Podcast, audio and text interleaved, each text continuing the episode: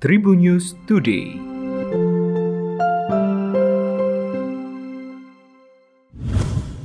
Halo Tribuners, berjumpa kembali bersama Hakim di Tribun News Today. Hakim akan berbagi informasi menarik hari ini, mulai dari informasi nasional, regional, selebritis hingga informasi olahraga.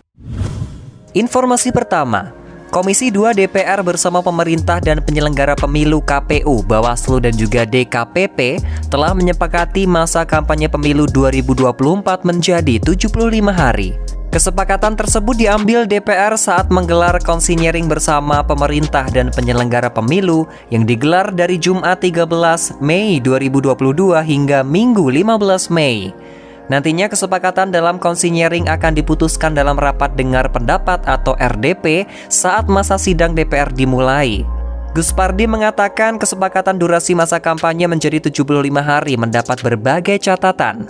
Pertama terkait tentang pengadaan logistik dan kedua mengenai durasi sengketa pemilu. Gus Pardi menyebut jika dua persoalan tersebut bisa diakomodir, maka durasi masa kampanye bisa dilakukan selama 75 hari. Lebih lanjut terkait sengketa pemilu yang merupakan ranah Bawaslu dan PT UN di Mahkamah Agung, DPR nantinya akan melakukan pertemuan dengan Ketua MA untuk membahas persingkatan waktu sengketa agar bisa dilakukan masa kampanye selama 75 hari.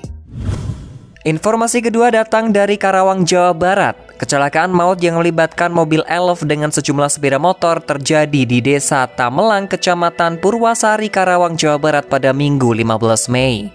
Tercatat tujuh orang tewas dalam kejadian minggu sore tersebut. Korban tewas dalam kecelakaan maut itu merupakan para pengendara sepeda motor yang dihantam mobil elf yang menyeberang ke jalur berlawanan. Setidaknya terdapat 17 pemotor yang diseruduk mobil minibus Isuzu Elf tersebut. Dalam sebuah video amatir yang direkam oleh warga, terlihat sopir mobil minibus tersebut tergencet bagian depan mobil yang ringsek. Habibi mengatakan saat ini pihaknya masih melakukan pemeriksaan sejumlah saksi dan mendalami penyebab kecelakaan maut tersebut.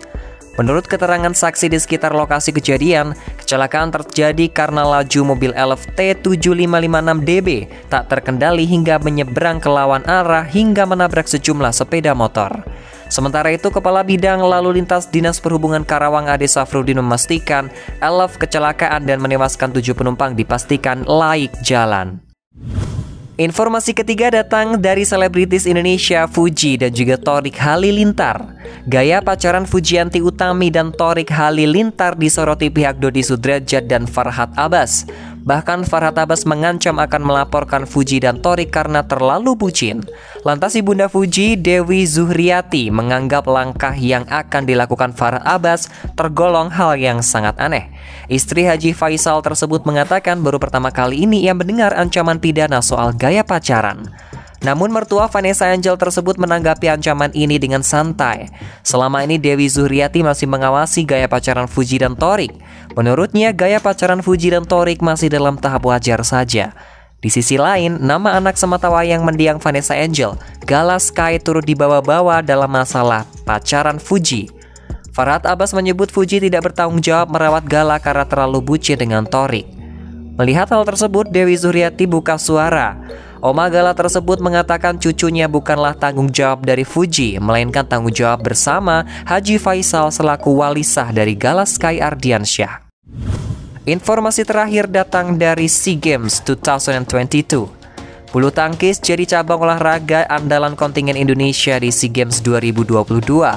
Pasalnya mereka digadang-gadang sebagai penyetor medali emas bagi merah putih – Sebelum meraih medali emas SEA Games, perjalanan skuad tim putra bulu tangkis Indonesia akan diawali dengan menghadapi Kamboja di laga perdana beregu.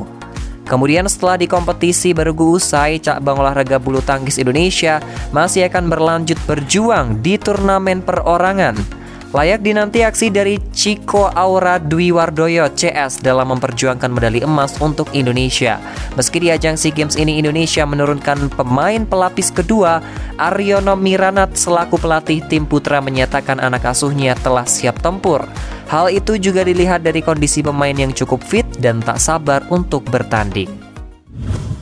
Demikian 4 informasi terupdate hari ini. Jangan lupa untuk terus mendengarkan Tribunnews Today hanya di Spotify, Tribunnews Podcast, dan YouTube tribunnews.com. Tetap patuhi protokol kesehatan 3M dengan memakai masker, mencuci tangan, dan menjaga jarak atau menjauhi kerumunan. Saya Hakim pamit, salam sehat untuk semua. Sampai jumpa.